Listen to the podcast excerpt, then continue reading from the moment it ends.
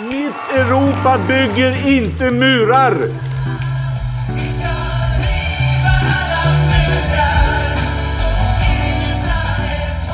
Syftet med de åtgärder som vi nu presenterar är att skapa ett andrum för svenskt flyktingmottagande. Mycket av det som regeringen sa igår ställer ju oss vi positiva till och vi tror också att en del av det kan dämpa trycket.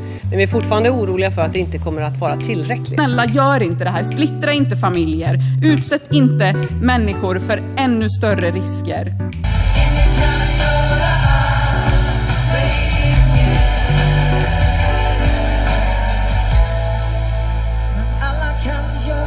Hej och varmt välkomna till Människor och migration. Podcasten som handlar om migration och om de människor som rör sig över gränser. Jag som pratar nu heter Maja Dahl och jag är kommunikationsansvarig här på Arena Idé som ger ut den här podcasten. Idag så ska vi prata om stora idrottsevenemang och hur det påverkar människors rörlighet. OS, VM och andra stora mästerskap omskrivs ofta i termer av folkfest och idrottarnas prestationer. Rörligheten som beskrivs är idrottssupportrar som kommer dit som turister. Men inför evenemangen har andra rapporter nått fram. Människor som tvångsförflyttas från sina hem, trafficking, gästarbetare som blir fråntagna sina pass, får jobb under osäkra och farliga former, blir underbetalda och i värsta fall förlorar sina liv. Vad har egentligen organisationer som Fifa och IOK för ansvar när de lägger sina största evenemang i länder där mänskliga rättigheter är svaga? Vilka möjligheter finns att stärka arbetares rättigheter i bygget av mästerskapsarenor? Och kan man verkligen påstå att idrotten är opolitisk när människor dör i bygget av arenorna där idrotten utövas?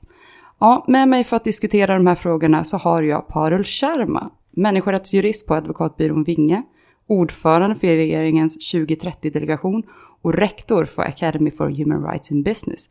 Välkommen hit. Parul. Tack Maja, tack så hjärtligt. Så himla bra att ha dig här. För svenska folket är du kanske lite mer känd efter ditt eh, sommarprat för några år sedan. Mm.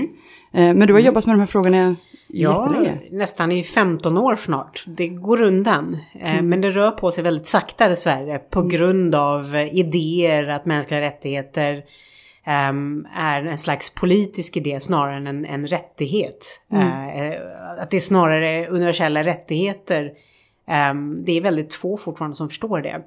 Och att det, det liksom ligger på alla att respektera uh, de mänskliga rättigheterna och implementera de mänskliga rättigheterna. Um, så det går inte att säga att mänskliga rättigheter är politik, därför bryr, vi oss inte om dem. Och när det gäller stora giganter som, som uh, idrottsrörelsen och förbund så är det av yttersta vikt att de förstår att um, även om de kanske inte har direkt handtag i kränkningarna så mm. får inte man, man får inte vara med och indirekt kränka mänskliga rättigheter och man får inte utnyttja svaga staters ställning. Alltså med svag stat menar jag just då Brasilien, Qatar, Kina och Indien. Mm. Um, så att um, det, det, är tyvärr så att mänskliga rättigheter har blivit en, eh, ett slags um, slängord för väldigt många. Uh, där man inte förstår att det här är faktiskt ett, ett bindande juridiskt system uh, för den som förstår disciplinen. Mm. Mm. Och jag tänkte att vi ska börja just där med de här länderna mm. där, mm. där de här stora mästerskapen läggs. Yeah. Eh, och där vi då ser att eh, det sker mycket kränkningar av mänskliga rättigheter. Vilka områden skulle du säga är de liksom främsta riskområdena? Alltså vad är det som uppstår när man förlägger ett stort mästerskap i ett, ett land som du säger då har svaga mänskliga rättigheter? Det är en jättebra fråga. Eh, du nämnde eh, Agenda 2030, det vill säga utvecklingsmålen, som är 17 mål som hela världssamfundet har enats om.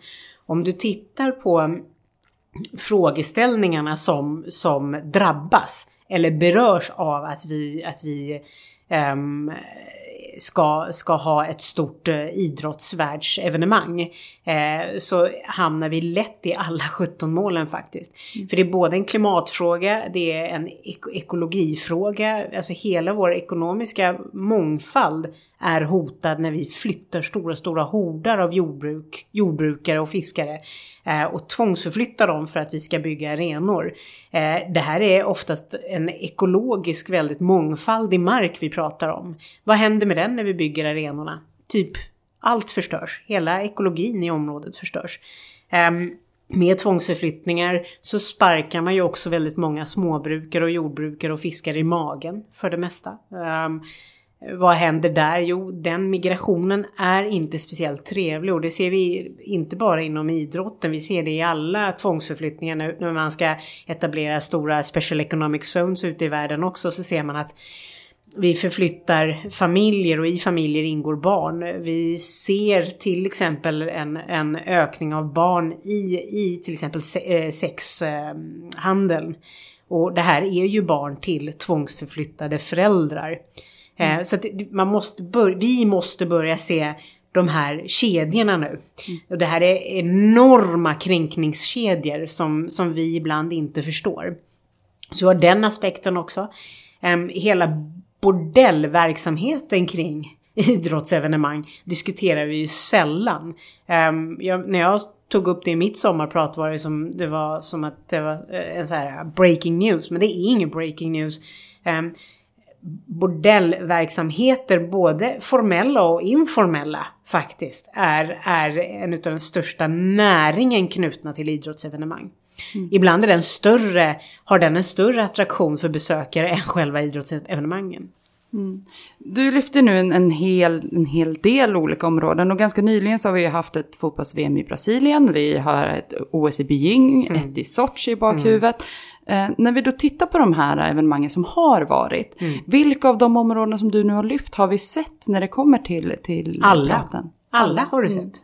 Alltså i, i Sochi, Ryssland, eh, trafficking och bordellverksamheten. Ryssland är en, en så att high alert country när det gäller trafficking och människohandel överlag. Men framförallt eh, sex eh, trafficking, eh, sexhandel.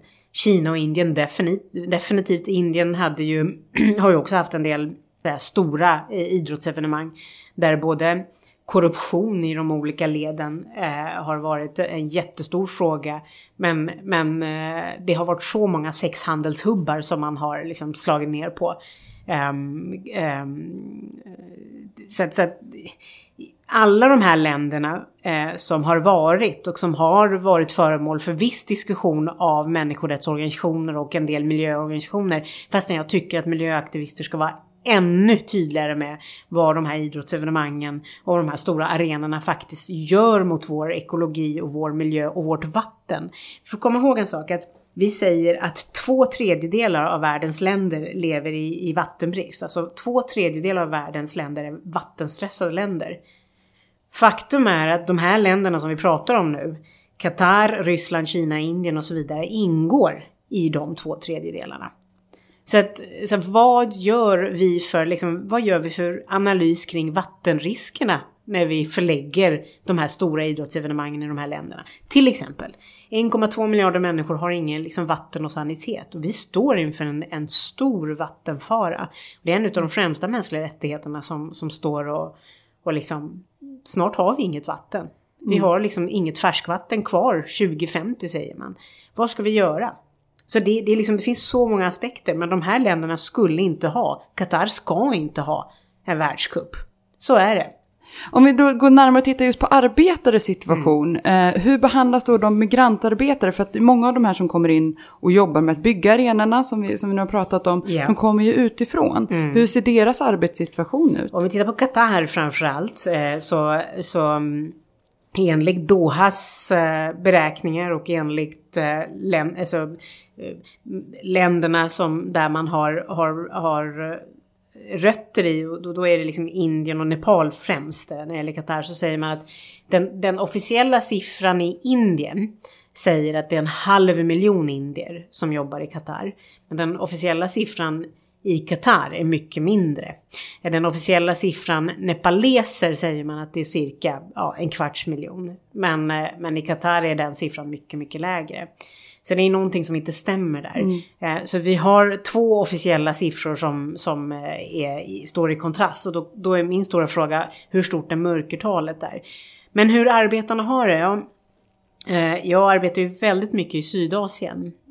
Och på grund av Nepals väldigt utsatta situation med jordbävningar och en fattigdom som man liksom aldrig kommer, kommer ur och, och också gamla styrelseskick med, med liksom en monarki och så vidare. Så så, um, har du, så hittar du väldigt många nepaleser runt om i Asien, i Sydasien framförallt. Så du träffar nepaleser i Indien, du träffar nepaleser i Bangladesh till exempel. Um, och jag brukar, brukar prata om att, eh, mödrarnas eh, ängslan och hur, hur nepalesiska mödrar pratar om sina tomma byar i Nepal. Eh, sina eh, eh, sunless villages pratar man om. Alltså mm. byar som inte har några söner kvar. För alla är i Qatar och försöker tjäna, tjäna en, mm. en slant för att kunna skicka hem. Um, och jag, jag bara för att sammanfatta hur, hur många av de här mödrarna säger att eh, så många mödrar som får samma brev, samma ord från sina söner. Eh, jag mår bra mamma. Mycket att göra. Jag hinner inte med något annat. Arbetsgivaren är bra. Fick du pengarna jag skickade? Så många mödrar som får samma brev med samma ord.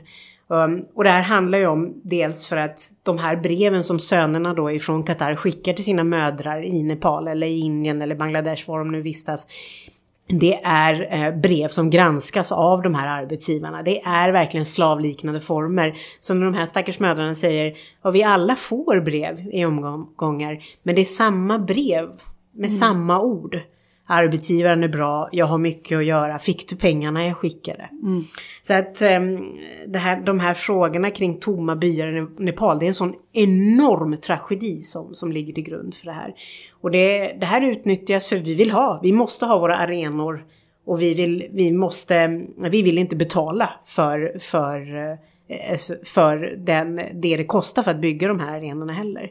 Och då är det, då är det de här stackars eh, människorna, de här, den här typiska befolkningen som utnyttjas eh, och exploateras. Mm. Jag tänkte att vi skulle gå djupare in i Qatar sen, men om mm. vi, vi håller oss kvar lite grann kring de här organisationerna då som tilldelar de här länderna mm. eh, mästerskapen. Vi pratar om till exempel då Fifa och IOK. Yeah.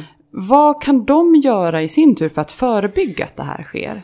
Alltså, För det första, så här, Fifa har ju nu eh, jobbat tillsammans med Shift och professor John Ruggie som är numera pensionär men brukade vara FNs eh, eh, sändebud eller special eh, rapporteur for business and human rights. Eh, där man har suttit nu i ett par år och, och liksom jobbat med ett policyramverk. Utifrån det man kallar för the guiding principles for business and human rights. Kruxet är det att det här ramverket, om jag ska vara riktigt ärlig, och då jobbar jag med det, för det är det jag har nu i förhållande till näringslivet. Men det är just vad det är, det är guiding principles. De här principerna kommer inte leda till några reformer. Utan vi behöver en, en strikthet. Det de, det, de behö, det de får nu, Shift, det är att de ska få en policy, ett policyramverk för hur man ska arbeta med mänskliga rättigheter. Men som jag ser det eh, så köper Fifa bara massa tid, inget annat. För att det, det, det som händer med en policy för det mesta och med de här väldigt FN-mässiga ceremoniella aktiviteterna när man antar en policy. Det är att det är precis det man visar. Vi har antagit en policy. Och sen händer det inte så mycket på marknivå. Um, så att eh, det här kommer inte leda till något reformarbete utan IOK och Fifa. Eh, det enda som behövs göras nu eh, det är att matcha varje land utifrån utvecklingsmålen och mänskliga rättigheter. Och lever de inte upp till, de, till Agenda 2030, till de 17 målen, och lever de inte upp till mänskliga rättigheter, då ska de inte ha de här idrottsevenemangen. Vare sig det är World Cup eller Commonwealth Games som, då, som Indien fick. Demokratikriteriet räcker inte ens där. Mm. Länder som Indien ska absolut inte ha några idrottsevenemang. För deras track record är uruselt när det gäller när det gäller mänskliga rättigheter. Och de ska absolut inte ha, bara det här med vattenbristen, menar vi allvar med vår ekologi och vår miljö? Vi, vi håller ju på att närma oss en ekologisk kollaps någonstans. Då ska inte de här länderna få. Ryssland ska ju absolut inte ha några idrottsevenemang. Och Qatar minst av allt. Så att vi ska ha en strikt screening av de här länderna utifrån utvecklingsmålen, de 17, och mänskliga rättigheter. Och då kan det vara så att vissa demokratier faller utanför också. Indien till exempel som är världens största demokrati. Men när man pratar om just vad organisationer kan göra så har jag liksom i bakhuvudet från, från OS i, i Lillehammer som blev de miljöspelen och att man eh, pratar om att efter det Ja. så har hållbarhetsfrågor och miljöfrågor varit mycket tydligare i IOKs arbete. Ja. Det, stämmer det överens med din uppfattning eller är det... Nej men det beror ju på. Du, du måste ju ha vissa förutsättningar för, på plats för att det ska kunna bli miljöspel. Vad ska du ha för spel i Qatar? Och vi kan ha miljöspel där men Qatar har inte de förutsättningarna. Qatar lever inte upp till de 17 målen. Alltså bara de sociala målen faller ju kollaps. Alltså jämställdhetsmålet, utbildningsmålet, flickors rättigheter, gay rights, allting kollapsar ju. Liksom så att, eh, du måste ju ha de rätta förutsättningarna. För Sverige att ha miljömål eller att ha eh, någon slags eh, eh, OS för, för miljön eller OS för vattenfrågan. Det är liksom no issue. Jag ser, det är klockrent. Men de här länderna ska inte ha det. Mm. Om man då tänker sig den andra delen av organisationen som är inne och jobbar kring de här frågorna så har ju internationella fackföreningar ändå varit inne och, tryckt, framförallt nu kopplat till Qatar. Eh, vad skulle du säga att, att deras roll är i det här och gör de tillräckligt? Ja, alltså jag tycker International eh, Trade Union Confederation, har ju gjort en hel del. Det är de vi kallar för, vad heter de, ITUC kallar vi dem för va? International Trade Union Confederation. De har gjort jättemycket med, när det gäller att prata med Doha-administrationen till exempel och Qatar om vi, om vi ska prata lite om Qatar. Eh, Det är ju bara att Qatar förnekar ju allt som sägs om, om eh, eh, International Trade Union eh, Confederation hävdar att det är 7000 eh, arbetare som beräknar förlora sina liv fram till 2020. Eh, från 2010 tror jag det är man har beräknat, nej från 2005 fram till 2020 säger man att 7000 arbetare eh, beräknas förlora sina liv i Qatar i byggandet av alla de här arenorna. Eh, så säger eh, Qatar-administrationen, regeringen där, att eh, det är osanning. Hittills har noll personer förlorat sina liv. Medan siffror visar på att det är ungefär 1200 personer sedan 2005 som har förlorat sina liv. Så att de kommer ju ingen vart. Och det här är ju, det här är ju regeringar som, som... Du kommer ju liksom ingen vart. Du måste ju trycka än mer. För nu är de bryr sig ju inte. De har ju fått spelen nu. Inte sant? Vad är det för po- poäng att ha en dialog med dem nu? Bargaining power ligger ju snarare på deras sida. Ehm, det, har- det har ju gått så långt att de till och med har jagat eh, bort eh, BBC-reportrar i Qatar. Så illa är det. Det jag menar, sånt händer ju inte ens i Kina. Eh, som ändå inte har någon yttrandefrihet alls på plats. Liksom. Så att mm, de internationella fackföreningarna har en oerhört stark roll. Men den rollen bygger ju också på en viss förutsättning i landet. Och den rollen ska ju spela, de ska ju spela en roll, de ska ha en tydligare roll innan spelen delas ut. De ska vara med i screeningprocesserna och tycka till. Och Då säga, till, säga om, om sådana här länder ska få spelen eller inte. Och du jobbar ju mycket då också gentemot företag och pratar om deras ansvar. Vad skulle du säga, finns det något ansvar? Kan man göra någonting kring, som företag kring Det de här finns delarna? ansvar, det finns skyldigheter och just när det gäller miljö, eller när det gäller mänskliga rättigheter framförallt så Företag får alltså inte utnyttja svaga styrsystem. De får inte utnyttja länder med svaga styrsystem. Ehm, det företag behöver göra nu det är att gå ifrån policyarbetet nu och, börja, börja arbeta lite mer i liksom verkstadsmässigt, hands-on. Eh, det är alldeles för många policyn som skyltas med och man hänvisar till policyn som, som ett ehm, Eh, låt oss ta bygg och fastighetsbranschen till exempel. Eh, globalt ligger ju bygg och fastighetsbranschen markant efter när det gäller hållbarhet, mänskliga rättigheter, arbetstagarnas rättigheter och miljöfrågan. Och även i Sverige, om man, gör, om man tittar på de stickproven som har gjorts, så är det en, en bransch som ligger långt, långt, långt efter. Då är det bara att dra slutsatsen kring hur långt efter de mår då, hur, hur långt efter ligger de då i länder som Qatar, Ryssland, eh, Brasilien, Indien och så vidare. Det är ju bara liksom göra en, en logisk eh, slutsats där. Om de ligger så efter i Sverige, hur långt efter ligger då de i, de, i dessa länder?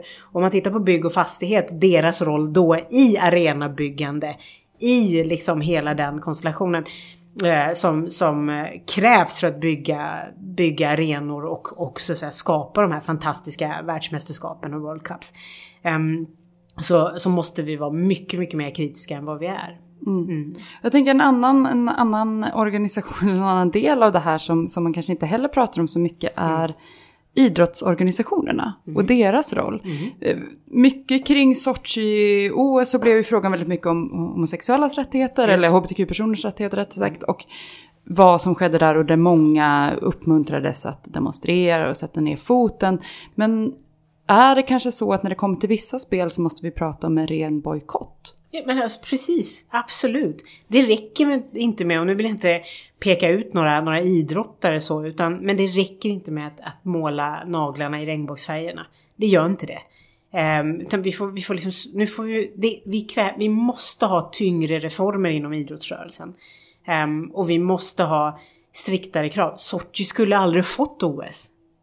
Sochi skulle aldrig ha klarat att få OS om vi använde liksom hållbar utveckling och mänskliga rättigheter som, som måttstock. Det är det som är min poäng. Så ja, då blir ju bojkott, men är det, hur, hur länge ska vi bojkotta? Varför tar vi inte ställning från början? Eh, Jag tänker att vi går in och pratar, eller vi har varit lite grann inne på att prata om just eh, Qatar. Mm. Och 2022 så är det ju dags, då ska OS, eller vad säger VM ske i Qatar. Mm. Och det har varit en hel del röster om hur det står till just med MR-frågorna. Mm. De senaste åren så har man liksom i jämna mellanrum så fått rapporter om slavliknande löner, upp till 5 kronor i timmen, upp till 1400 personer döda vid det här laget. Eh, Och som du sa, uppskattningsvis kanske upp till 7000 döda innan bygget är klart. Men hur ser det ut då för arbetarna i Qatar? Du pratar om mycket nepaleser. Vad är det liksom för, hur hur ser det ut där på plats? Just i Qatar idag, som arbetskraften ser ut, så är det, det är väldigt mycket burmeser. Eh, du har nepaleser och indier eh, och även pakistanier som du hittar där. Kruxet med Pakistan är att vi har liksom ett mörkertal med hur många pakistanier som befinner sig i Qatar just nu. Eh, Qatar har ju väldigt, i väldigt många år ha, haft det här kefala-systemet. Eh, som är ett system som ju bara uppmuntrar tvångsarbete och slavarbete. Vad innebär det systemet? Lite Eh, det, det är så, och det är viktigt att bara komma ihåg att, att Qatar eh, har eh, tagit bort det systemet 2016 eh, i, i, i lagen. Däremot tillämpas det fortfarande. För att byggherrarna och arbetsgivarna förstår inte att det systemet är, är eh, borta och eh, inte numera lagligt. Men det här var en del av, av eh, Qatars arbetsrättsliga system där migrantarbetare som kom från, från eh, tredje land eh, var tvungna att be om arbetsgivarens tillstånd om man skulle byta jobb eller om man ville lämna landet. Och det gjorde att arbetsgivaren då självfallet kunde negera tillstånd och säga jag har aldrig givit den här människan tillstånd. Och blev det så att du blev arresterad utan tillstånd så att säga att lämna landet, då kan du hamna i finkan i, i upp till ganska många år. Så det sitter ju väldigt många migrantarbetare i Qatars fängelser idag. Ehm, så det är en oerhört sorglig lagstiftning men den är till för att uppmuntra slaveri eller nutida slaveri, modernt slaveri som vi kallar det. Ehm, men den lagen är numera borta men arbetsgivare förstår ju inte det på marknivå att den är borta. Så det är det den handlar om. Ehm, och den, den lagen är så sträng att till skillnad från då till exempel Malaysia eller ja, Malaysia är ett bra, eller Kambodja också ett annat bra exempel. Om du, du, du, där i de länderna blir du tvungen att lämna ifrån ditt pass. Till exempel alla ID-handlingar om du är migrantarbetare. I Qatar, även om du har ditt pass eh, och inte har fått arbetsgivarens tillstånd så åker du in i finkan. Så bryter du mot lagen. Så har det varit alltså fram till 2016. Så den, den lagen är avvecklad men som sagt det förstår inte arbetsgivarna. Eh, här. 2016 var ju också förra året. Eller hur? Att- ja, ja, kom, den här lagen kan vi säga, eh, dess principer tillämpas i allra högsta grad fortfarande. Eh, Och när det kommer då till de här andra, man säga så här, de andra omständigheterna vi pratar om, liksom timlön och liksom hur det ser ut kring arbetsvillkor och eh, säkerhet på byggena. Vilken insyn har man utifrån i hur det faktiskt går till? Vem är utifrån tänker du? Ja, det jag, tänk, jag, tänker, jag tänker utifrån som dels Fifa, som, som i, de som ger spelen, men också som organisationer som jobbar gentemot Vet, de här vet du Maja, i, i just de här fallen, eh, om du åker till Doha och bara tar en dagspromenad där. Det är så blatantly obvious. Du behöver inte ha insyn. Du ser första ögonkastet hur illa det är. Och, eh, jag, jag behärskar ju några språk ifrån Sydasien. När man pratar med arbetarna. Det, är så, det, är så, det gör så ont i hjärtat om jag får bli lite emotionell. Men när, när de berättar, många vågar ju inte berätta öppet. För, apropå eh, kafala-systemet, de är ju livrädda för arbetsgivaren. Mm. Det är ju därför de här breven som jag hänvisar till, som mödrarna alltid pratar om. Ja. Eh, när de säger att våra nepalesiska söner skriver alltid att arbetsgivaren är bra. Eller han är okej, han behandlar mig väl. Att det är en sån här standard som, som de arbetsgivarna själva har sett till att de här breven ska innehålla. Um, så att insynen, behövs ingen insyn, det är så, det är så uppenbart. Um, hade det varit i vissa europeiska länder idag, där vi också har en, en hög grad av kränkningar av de åtta, alltså ILOs åtta stjärnkonventioner när det gäller kompensation, rätt kompensation, övertidsregler, hälsa och säkerhet och allt detta. Så, så är det inte uppenbart. Där, där måste vi kräva insyn, där måste vi se. Men i de här länderna, Qatar, Indien, Kina, det är uppenbart. Så jag menar, för Fifa säger att vi inte har, det finns ingen transparens. Nu vet jag inte om de har sagt det ens, men det, det är liksom, det är, det, det är non-issue i de här länderna. Och vi pratar en del om de rapporter som har kommit då kring hur många människor som har omkommit och som beräknas ska, äh, kommer omkomma under bygget i just Qatar. Och där skiljer sig siffrorna lite grann. Jag har läst allting från 1000 till 1500 personer som omkommit redan nu. Varför är det så svårt att få bekräftade siffror? Bara för att du har väldigt mycket människohandel i detta. Först har du de här, ehm, så att säga, mäklarna. Ja. Som, eh, som så att säga, registrerat, har liksom ett registrerat litet konsultföretag. Eh, eh, där de har åtagit sig att, att förse arbetsgivaren med 300 arbetare. Några från Indien, några från Nepal, Pakistan och så vidare. Sen har du ju de här underground traders. Som, som handlar med människor. Där, där de fattigaste av de fattiga ryker med för det mesta. Och det är där nepaleser eh, kommer in för det mesta. Jag måste säga att indiska arbetare eh, just nu, på grund av att Indien är en demokrati och det informeras väldigt mycket redan på flygplatserna. Eh, och det informeras väldigt mycket i media. Eh, så är indiska arbetare de har en mycket högre grad av, av medvetande kring vad som gäller när det, är, när det är just Qatar till exempel eller hela Arabiska viken för den delen. Eh, men, men nepalesiska arbetare har ju inte det. Och efter jordbävningarna också i Nepal så ser man att, att den här eh, frustrationen att kunna försörja byn eller försörja familjen är så hög att man, man går med på allting. Så du har den här, du har den här black market med, med så flash trading. Och, och sen får vi glömma bort, nu pratar vi om männen. Som, som kommer in i Qatar som, som arbetare för att bygga arenorna och så vidare och allt runt omkring. Men det är många, många kvinnor och flickebarn som försvinner i detta också. Eh, och, och de kommer ju in i just prostitutionen.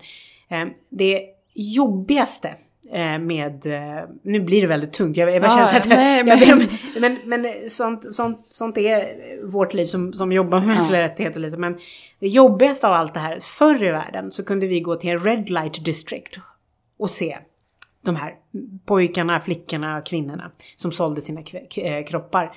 Red light districts börjar bli mindre och mindre, i alla fall om man tittar i den arabiska viken. Man hittar inte dem i samma mån längre. Utan det är lite, det är moderniserat och digitaliserat när du ska beställa dina, eh, när du ska köpa sex. Mm. Så du säger att, att det syns inte lika väl Nej. utifrån, Nej. men det sker. Där kan man ju tala om brist på insyn nu, att det blir bara svårare och svårare. Det är en sån sofistikerad marknad nu. Och det är så, det är så mycket pengar i rotation att hämta ifrån den här flash trade. Att eh, det blir bara mer och mer sofistikerat och folk försvinner. Liksom. Så när man pratar om eh, då de dödsfall som sker, Mm. då pratar man bara också om migrantarbetare. Och då pratar de- man om de officiella siffrorna Ja. som vi känner till. Det är det jag säger. Indien säger att vår officiella siffra av, med indier i Qatar är halv miljon.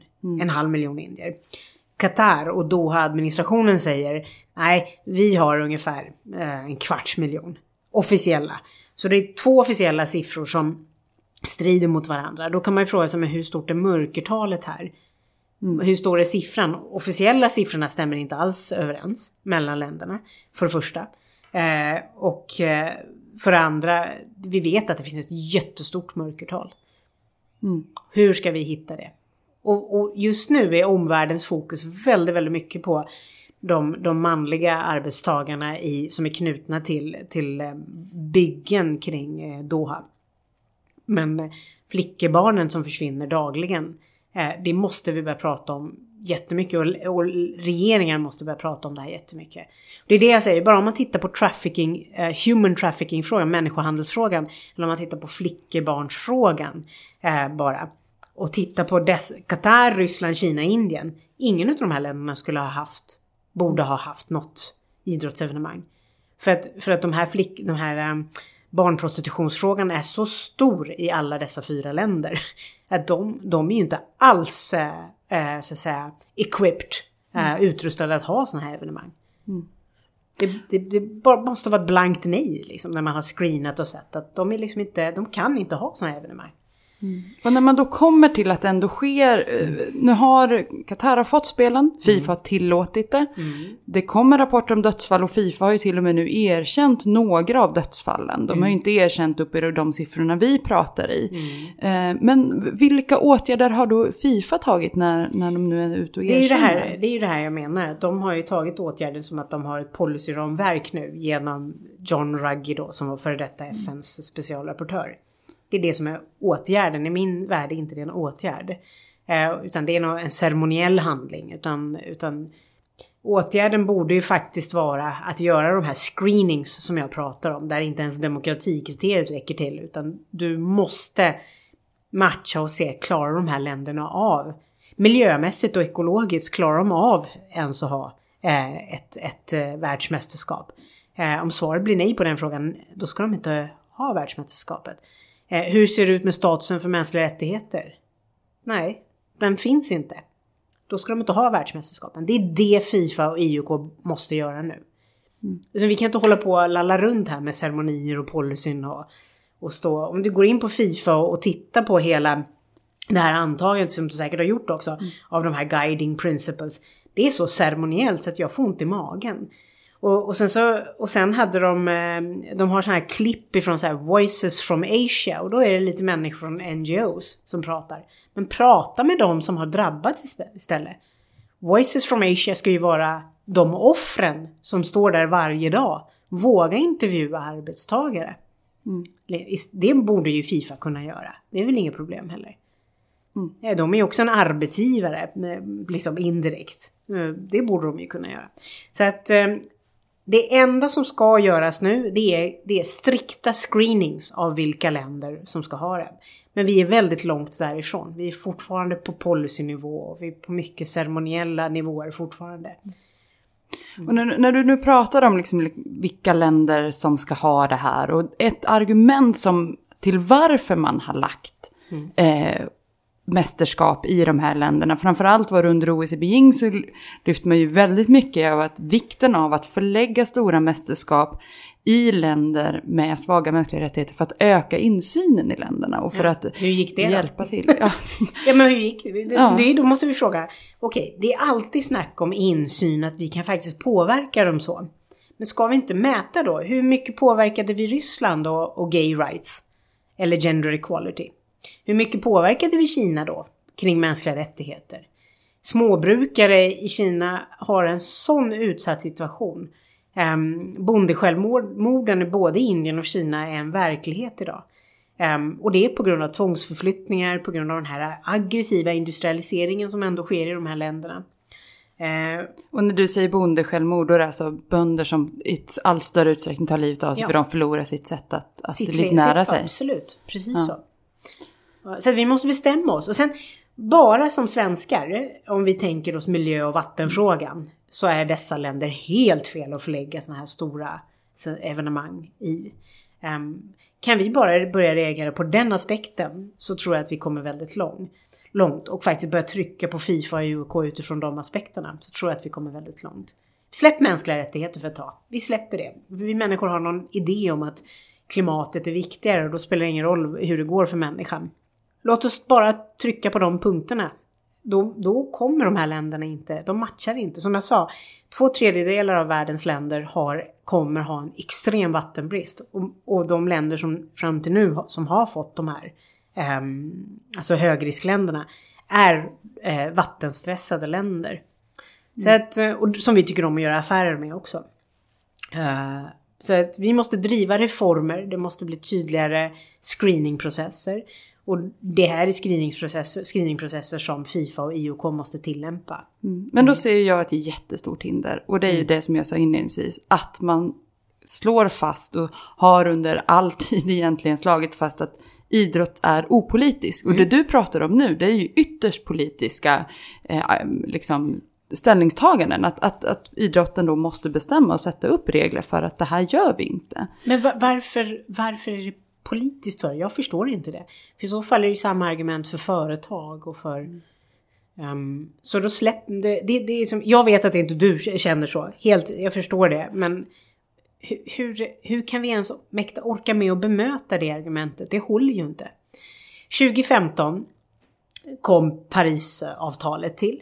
2015 kom utvecklingsmålen till där hela världssamfundet sa att vi måste arbeta gentemot de här målen. De kommer inte uppfyllas utav sig självt. Vi kommer inte nå våra klimatmål utav sig självt. Utan vi måste ställa krav. Det krävs paradigmskiften.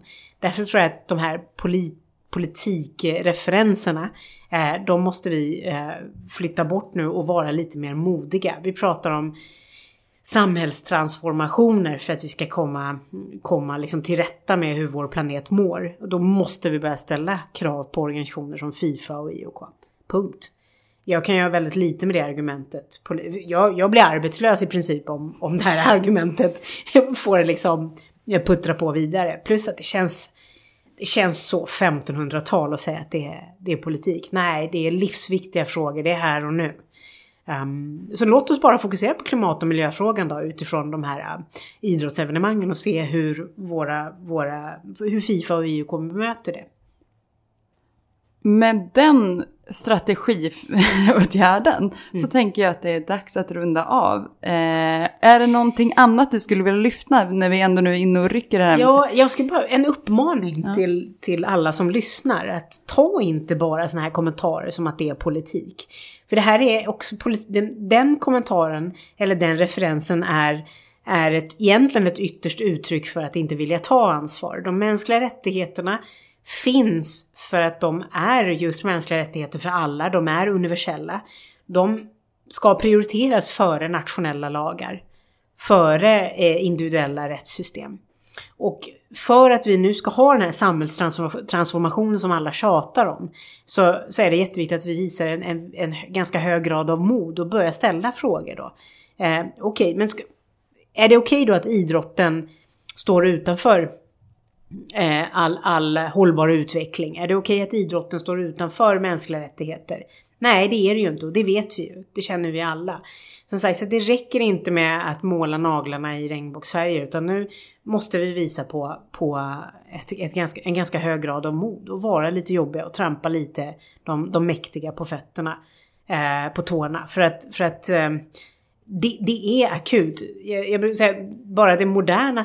Jag vet, i, våra, i min historiebok stod det eh, slaveriets upphörande. Det är ju en lögn. Slaveriet har aldrig varit så stort som det är nu. Alltså 45,8 miljoner nutida slavar rapporterades i, i Global Slavery Index förra året. Och det här indexet växer varje år. Det är bara för Fifa och för IOK är det bara att gå in och titta på det indexet och se att Ryssland, Qatar, Kina och Indien rapporterar en hög grad av slavar i sina länder. Då ska de inte ha eh, idrottsevenemang. Och jag, jag, vi måste vara mer tydliga där. Det är bara så det är. Transformation, transformation, transformation. Och det är det vi behöver nu. Det blir jobbiga beslut och så jobbigt är det väl inte att inte ge de här länderna idrottsevenemang. Det kan man verkligen tycka. Tusen tack Parol Jamar för att du tog dig tid att sitta och prata med mig om de här frågorna. Tack Maja för att jag fick vara med i den här jätteviktiga podden också. Ja, tack mm. så jättemycket. Och du som lyssnar, om du har frågor eller kommentarer på dagens avsnitt så Twittra jättegärna det till oss. Eh, vi ska försöka besvara så mycket som vi kan på, på Twitter eller mejla till oss som vanligt helt enkelt. Så ska vi försöka besvara det. Om du som lyssnar också har en massa tankar kring det som hände i Stockholm, eh, det dådet som skedde i Stockholm fredagen den 7 april. Och kring just papperslösas villkor i och med att det har kommit upp väldigt mycket kring just att eh, mannen som begick det här dådet är, var papperslös i Sverige. Lyssna jättegärna på våra gamla avsnitt om just papperslöshet och papperslösas villkor i Sverige. Eh, det är inte rimligt att vi går ut och misstänkliggör de ungefär 12 000 människor som lever papperslösa i Sverige idag. De är inte terrorister. Så lyssna på de avsnitten och hör av till oss ifall ni behöver hjälp med argumentation så ställer vi upp så mycket vi kan. Eh, om du vill lyssna på något annat som Arena Idé har gett ut medan du väntar på nästa avsnitt som kommer den 28 april så lyssna gärna på vår syskonpodd Pengar och politik eller på Arena Play där vi lägger upp våra inspelade seminarier. Ni kan även lyssna på Jakten på den jämlika skolan där Vesna Prekopic ger sig ut för att hitta de smartaste lösningarna för att vi ska få en skola som ger alla barn samma möjligheter ut i livet. Med det sagt, tusen tack för att du har lyssnat och vi hörs igen den 28 april.